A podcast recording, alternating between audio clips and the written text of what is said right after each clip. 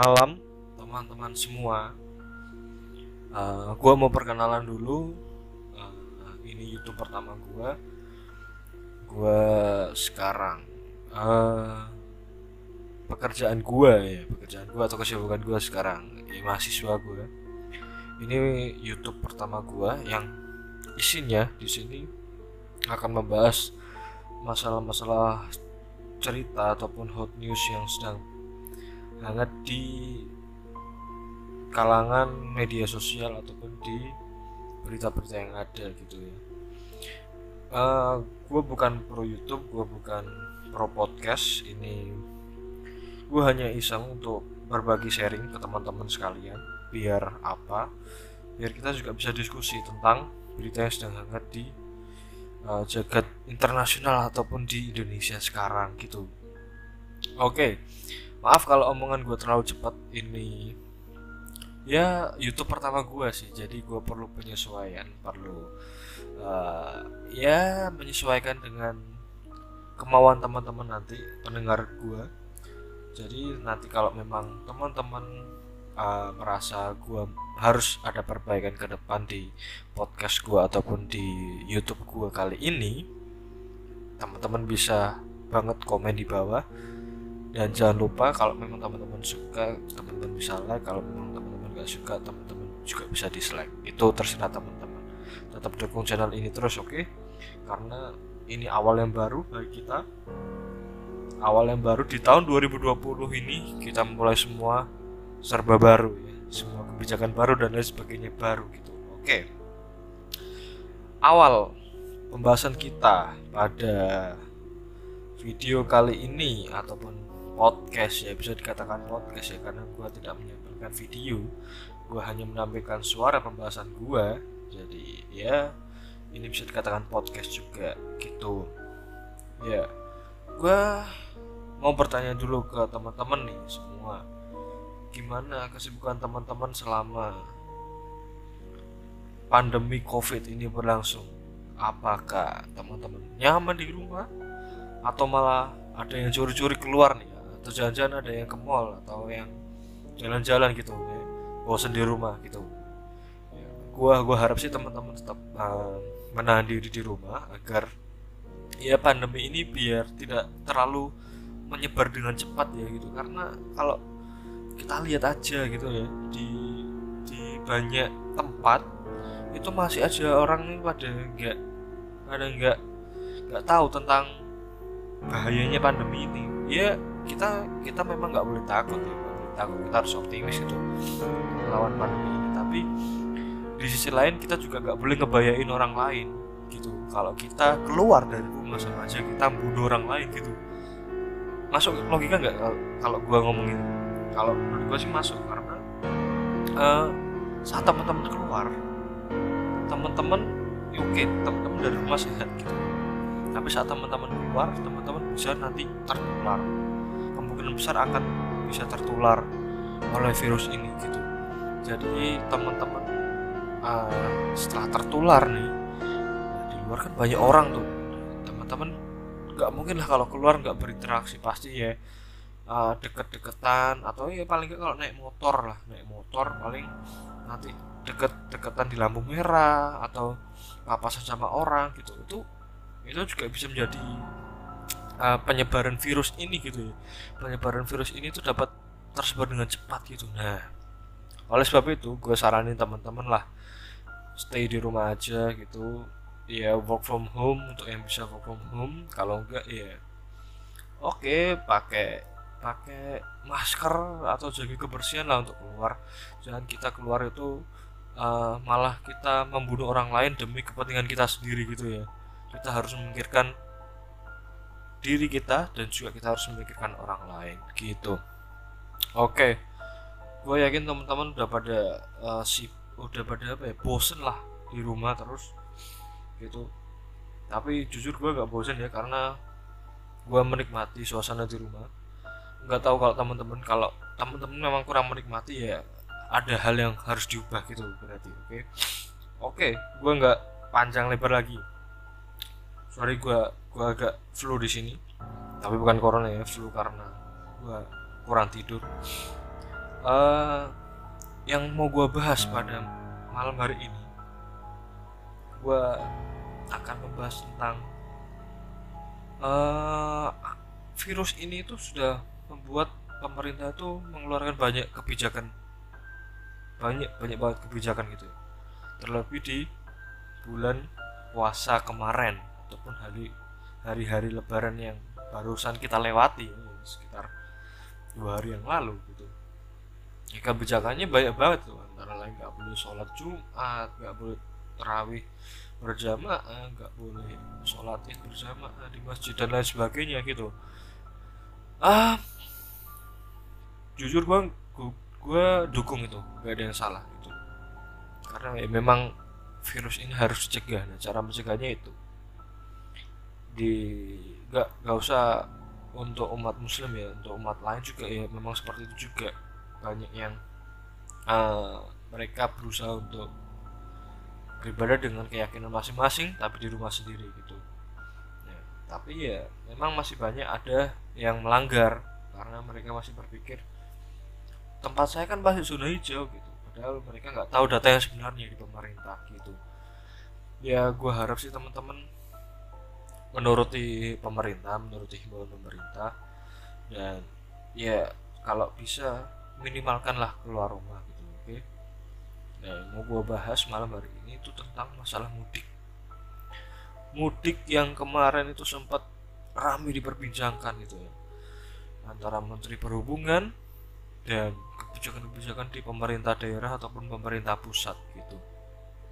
Ya agak bingung sih untuk membahas masalah mudik ini. Karena itu mudik ini gue jujur ya jujur gue juga uh, setiap tahun itu melaksanakan mudik. Ya itu tradisi ya tradisi keluarga gue itu setiap tahun pasti mudik gitu. Dan first time di tahun ini gue nggak mudik.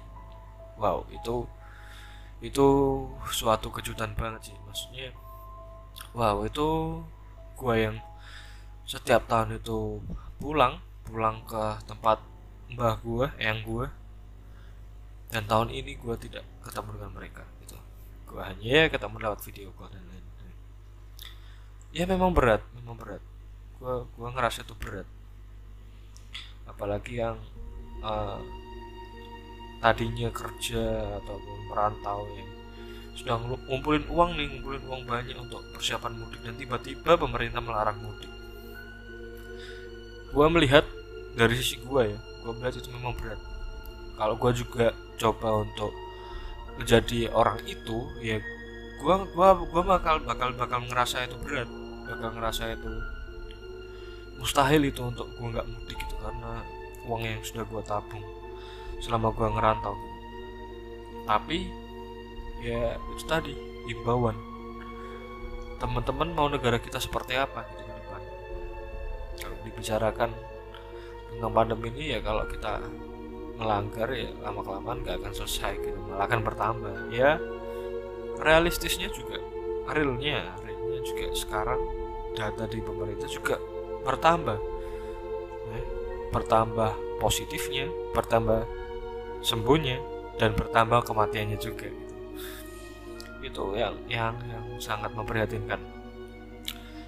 Kalau nggak salah dengar gue kemarin baca di line di itu sekitar 20 22 ribu yang sudah positif. itu 22 ribu sudah positif yang sembuh sekitar gue gue nggak tahu pasti yang ini yang gue ingat aja sekitar 4 ribu 5 ribu atau 7 ribu. Ya pokoknya masih kurang dari 10 ribu kalau nggak salah. Iya. Dan meninggal sudah hampir 1500 hampir 1500 dan itu memprihatinkan. Kenapa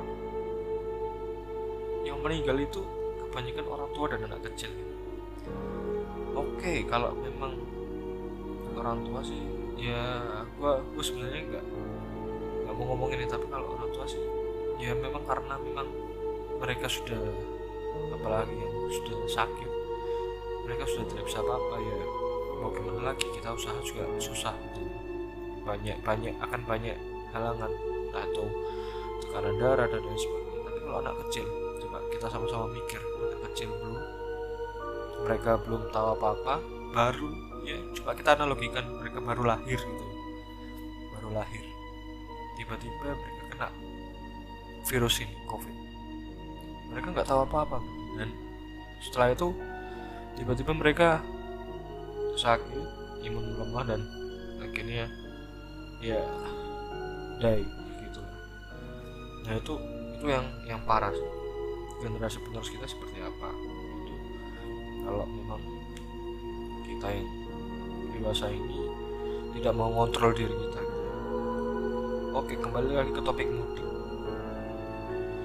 mudik ya itu sudah tradisi dari tahun ke tahun gitu mudik ini dan susah untuk tidak melakukan mudik gitu ya. saya ambil gue ambil contohnya di Jakarta itu larangan mudik itu sudah sering didengarkan oleh pemerintah provinsi DKI Jakarta. Dan uh, meskipun di sana itu saat kemarin harus mudik harus 7 sampai 7 ya sampai di antara itulah. Meskipun di sana sudah ada kebijakan bahwa penyekatan itu sudah dilakukan oleh pihak kepolisian penyekatan penyekatan untuk kendaraan tidak boleh keluar.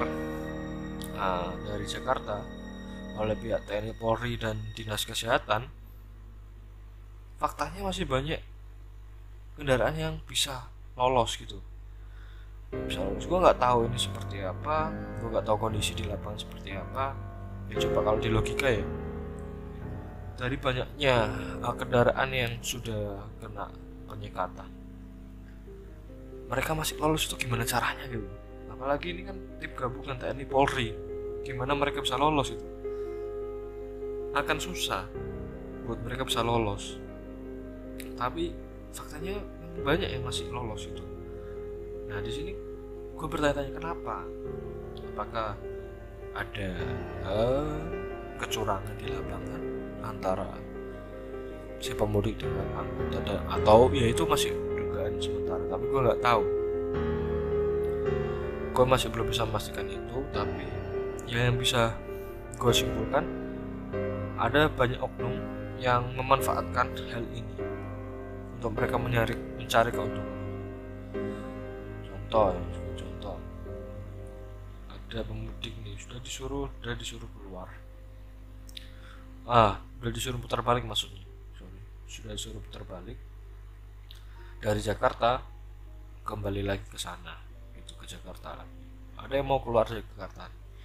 Ada yang mau keluar dari Jakarta terus sampai ke uh, Bekasi contoh ya Bekasi.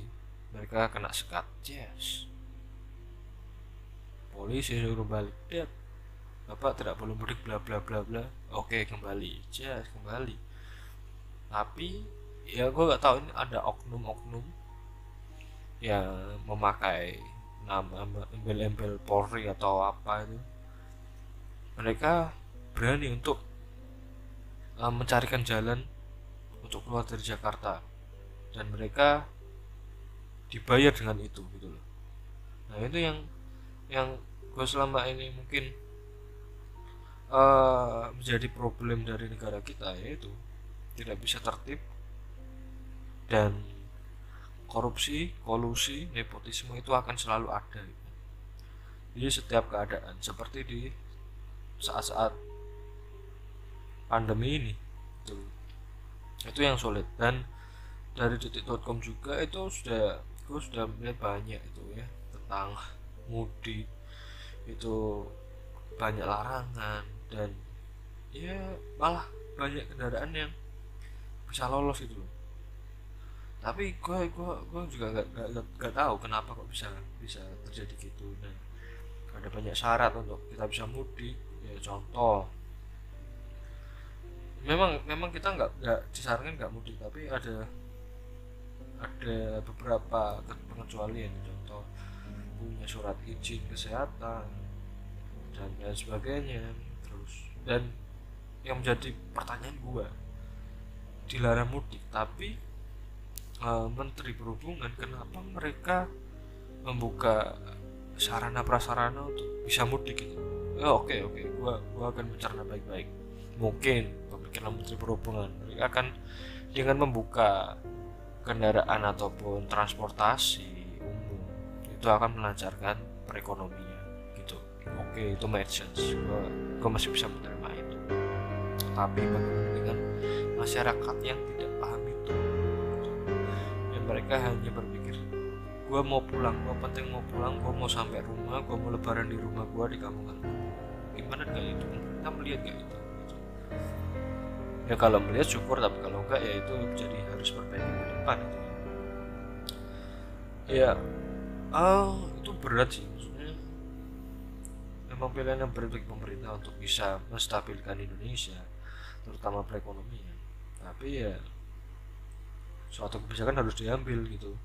Nggak bisa kita hanya berdiam gitu. Dan kemarin gue lihat di Metro TV atau di TV One pemudik yang masuk ke Jawa Timur itu banyak banget coy. Ya mungkin tidak sebanyak tahun lalu tahun-tahun sebelumnya yang memang boleh untuk mudik ya, ya udah banyak udah ratusan ribu atau ratusan ya ratusan ribu kendaraan tuh kalau tahun-tahun biasanya. Mungkin lebih bahkan tapi tahun ini berkurang sih berkurang. Tapi masih banyak masih ya ada puluhan ribu. Ya mungkin ada ya bahkan ada seratus ratusan ribu mungkin yang masuk ke daerah timur sana. Dari barat ke arah timur gitu loh. Ini yang menjadi fokus kita fokus perbincangan kita malam hari ini. Kenapa kok bisa terjadi seperti itu? Di mana salahnya gitu apakah ini salah dari pihak TNI Polri yang tidak bisa memberi penyekat ataupun batasan yang tegas atau salah pemerintah yang kurang bisa memberikan ah, gimana ya bisa dikatakan memberikan peraturan yang ketat. Ataupun ini malah uh, salah masyarakatnya gitu. Coba kita pikir baik-baik. Di mana dari tiga ini yang salah itu? Apakah salah masyarakat TNI Polri atau pemerintah ya gue ngelihat pemerintah sudah maksimal mungkin ya. Berusaha untuk membuat peraturan kebijakan yang tidak merugikan banyak orang. Tapi ya memang suatu kebijakan itu pasti ada konsekuensinya dan itu pasti akan berdampak pada masyarakat luas. Itu yang pertama. Yang kedua TNI Polri. Mereka sudah bekerja uh, di bawah perintah dari pemerintahan pusat daerah untuk menjaga daerah-daerah titik-titik rawan yang uh, bisa dijadikan eh, tempat-tempat uh, rawan atau zona merah dari virus ini gitu. penyebaran virus ini gitu. Ya gua gua tahu mungkin mereka sudah sudah berusaha. Tapi apakah maksimal itu pertanyaannya? Ataupun apakah itu berusaha benar-benar berusaha atau mereka ada yang mencari keuntungan balik? Itu gua nggak tahu tapi yang jelas gua kalau ngeliat di berita-berita itu sudah TNI Polri banyak yang sudah berusaha untuk uh, memberi batasan lah kepada masyarakat itu bagaimana pentingnya untuk jaga jarak dan jangan mudik terutama di bulan-bulan kemarin di hari-hari kemarin dan yang ketiga apakah ini salah masyarakat? Masyarakat yang tidak mau menurut masyarakat yang masih keras kepala tentang gua nih mau memudik egonya itu nggak bisa dikalahkan itu apakah ini salah masyarakat yang belum mengerti tentang bahaya COVID, apakah ini salah masyarakat yang belum mengerti tentang kebijakan yang pemerintah lakukan atau peraturan yang sudah diterapkan oleh pemerintah dan pihak-pihak terkait. Ini masih menjadi ambigu, masih menjadi pertanyaan. Mana yang salah? Atau malah salah ketiganya? Atau nggak ada yang salah? Kalau nggak ada yang salah, nggak mungkin ya penyebaran COVID ini bertambah. Tapi pasti ada suatu kesalahan ataupun ya bisa dikatakan resiko resiko gue masih masih masih ah, berpikir bahwa memang sulit untuk mencegah orang yang sudah kebiasaan atau kebiasaannya melakukan suatu melarangnya itu atau mengubahnya itu sulit. Tapi kita perlu effort yang keras ataupun effort yang besar. Kerja keras kerja cerdas kata Jokowi ya. Itu agar kita bisa mengubah kebiasaan yang salah menjadi yang benar gitu. Dan untuk bicara tentang mudik ah padahal gue gue udah ngeliat gue udah ngeliat berita kemarin gue ngikutin banyak kendaraan itu yang sudah uh, dicegat dan diminta surat tidak ada surat keterangan dia dari rumah sakit sehat atau tidak tidak ada surat tugas atau surat jalan. Tapi mereka masih berani mudik coy. Itu wah parah banget maksudnya. Mereka nggak mikir mereka dari contoh mereka dari Jakarta. Mereka tahu Jakarta itu penyebaran virusnya itu banyak banget ya. Paling paling besar di Indonesia dan mereka bawa penyebaran virus itu ke kampung halaman. Apa mereka nggak mikir tentang anak yang ada di kampung sana orang tua di kampung sana? Mereka nggak mikir tertular. Nah itu yang yang yang harusnya pemerintah kasih evolusi mental. Gue gue kalau bisa ngomong. Uh, pengertian ataupun uh, pemikiran yang salah dari masyarakat itu harus diubah diubah dengan cara ya kita harus ikuti ikuti pemikiran masyarakat. Oke contoh ya oke kita nggak boleh mudik tahun ini. Tapi kita pemerintah daerah contoh kita merayakan lebaran ini dengan contoh kita membuat suatu uh, hiasan di depan rumah paling bagus contoh ataupun kita buat lukisan perlombaan lukisan ataupun perlombaan menyanyi contoh contoh ya contoh menyanyi dan diupload di YouTube terus kita melihat siapa yang paling banyak uh, penilaiannya atau sukanya like-nya dia dapat menang itu solusi yang menurut gue ah, mungkin bisa diambil. Tapi kembali lagi gue nggak tahu kebijakan pemerintah seperti apa. Nggak mungkin lah kebijakan pemerintah seperti yang gue pikirkan tadi. Mesti akan akan melihat uh, masyarakatnya. Apalagi Indonesia ini kan kalau bisa dibilang masih banyak orang-orang yang kurang mampu gitu. Itu yang menjadi masalah. Dan oke okay, kembali ke topik mudik. Kenapa mudik itu bisa menjadi apa ya bumerang ataupun bisa menjadi masalah bagi kita gitu di saat-saat pandemi ini? Karena yang pertama saat anda mudik di kampung halaman contoh jika itu kampung halaman anda ketat nih ini bicara tentang peraturan yang ketat. Jika anda memaksakan untuk mudik di peraturan yang ketat jika kampung halaman anda ketat peraturannya bisa-bisa anda setelah mudik sampai kampung halaman karantina 14 hari nggak lebaran anda sama keluarga gitu itu yang contoh ya. Dan saat balik saat kembali saat balik ya kembali ke uh, perantauan. Di perantauan juga peraturannya sudah diperketat. Harus balik harus penyekatan cek bener-bener suhu tubuh dan lain sebagainya. Nah, harus ikuti protokol dari pemerintah. Itu malah malah malah menurut gua akan akan berat dan ribet itu. Kenapa orang Indonesia malah malah banyak yang suka ribet gitu? Mereka nggak mikir gampangnya nggak mikir mudahnya memilih pilihan yang sulit gitu. Ya gue katakan pilihan sulit karena memang itu sebuah tradisi yang biasanya dilakukan tiap tahun dan menjatuhkan pilihan dapur itu pilihan yang sulit. Tapi kita harus memilih itu. Karena apa? Resiko ke belakangnya itu akan panjang gitu kalau kita tidak mengikuti aturan itu gitu loh. Dan yang gue tahu uh, dari dari banyak uh, berita itu sekarang di arus balik sekarang sudah mulai diperketat. Setiap hari akan dilakukan operasi-operasi setiap daerah akan dilakukan penyekatan. Di setiap daerah terutama antar provinsi perbatasan antar provinsi itu bakal bakal ketat katanya. Tapi gua nggak tahu di lapangan seperti apa. Ya mungkin polisi dan TNI kan tidak akan berjaga 24 jam selalu gitu. Dan pintarnya masyarakat Indonesia ini masyarakat Indonesia sebenarnya pintar loh masyarakat Indonesia. Sebenarnya masyarakat Indonesia itu pintar. Contoh ya tadi gue bilang TNI Polri itu nggak mungkin berjaga 24 jam. Dan dia masyarakat Indonesia yang dapat-dapat ini yang pintar-pintar ini dia mencari cara untuk bisa mudik ke kampung halaman. Dia kampung halaman dengan waktu yang tepat itu loh. Waktunya mereka cari yang tepat. Contoh mereka mudiknya tahu nih kalau jam-jam kerja itu pasti polisi banyak ya. Contoh jam-jam kerja itu polisi banyak dan pinternya mereka mereka cari jam-jam yang tidak ada polisi. Contoh subuh pagi. Mana ada polisi jam 5 jam 6 sudah di lapangan sama TNI Polri. Jarang gitu loh.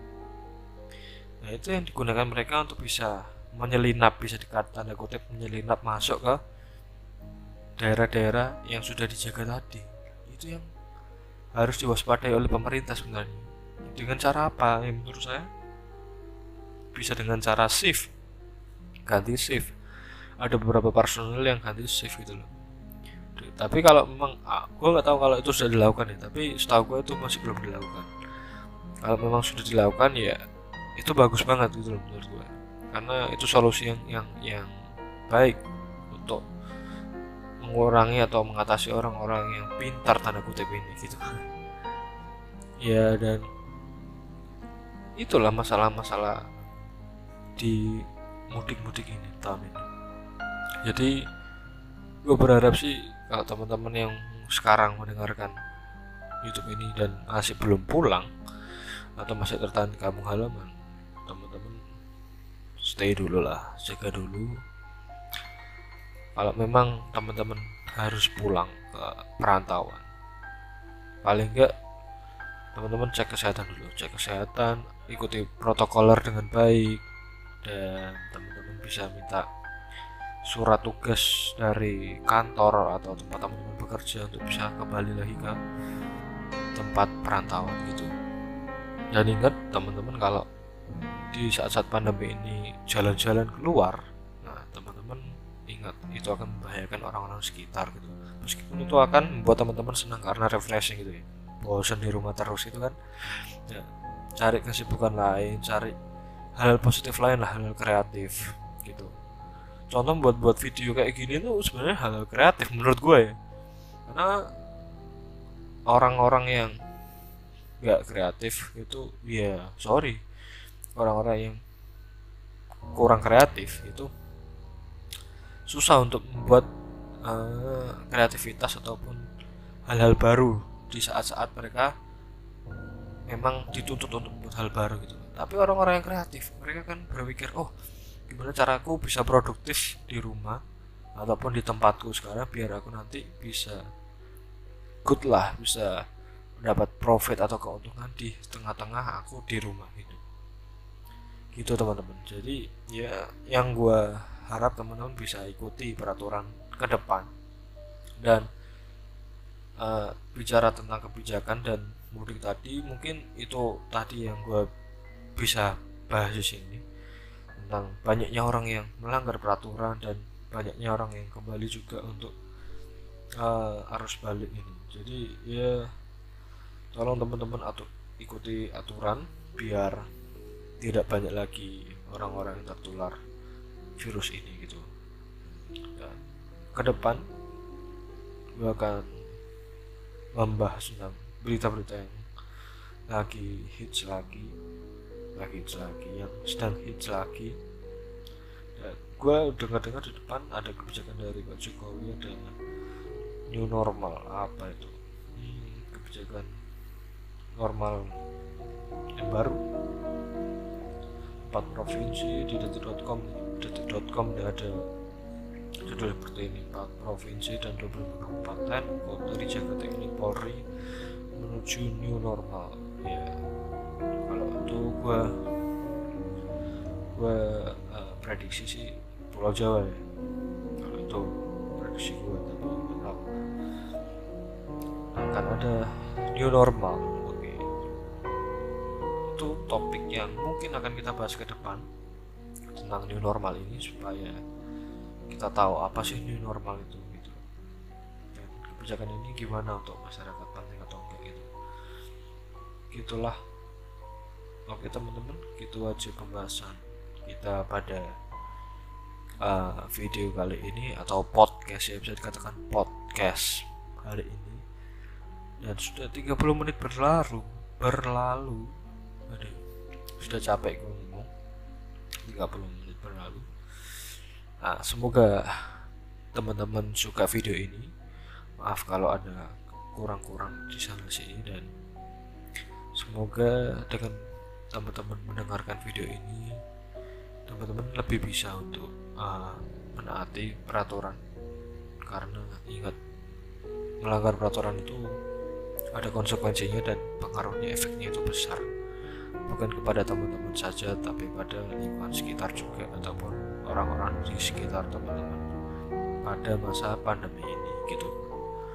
Oke teman-teman gua pamit. Sampai jumpa di video dan podcast selanjutnya. Terima kasih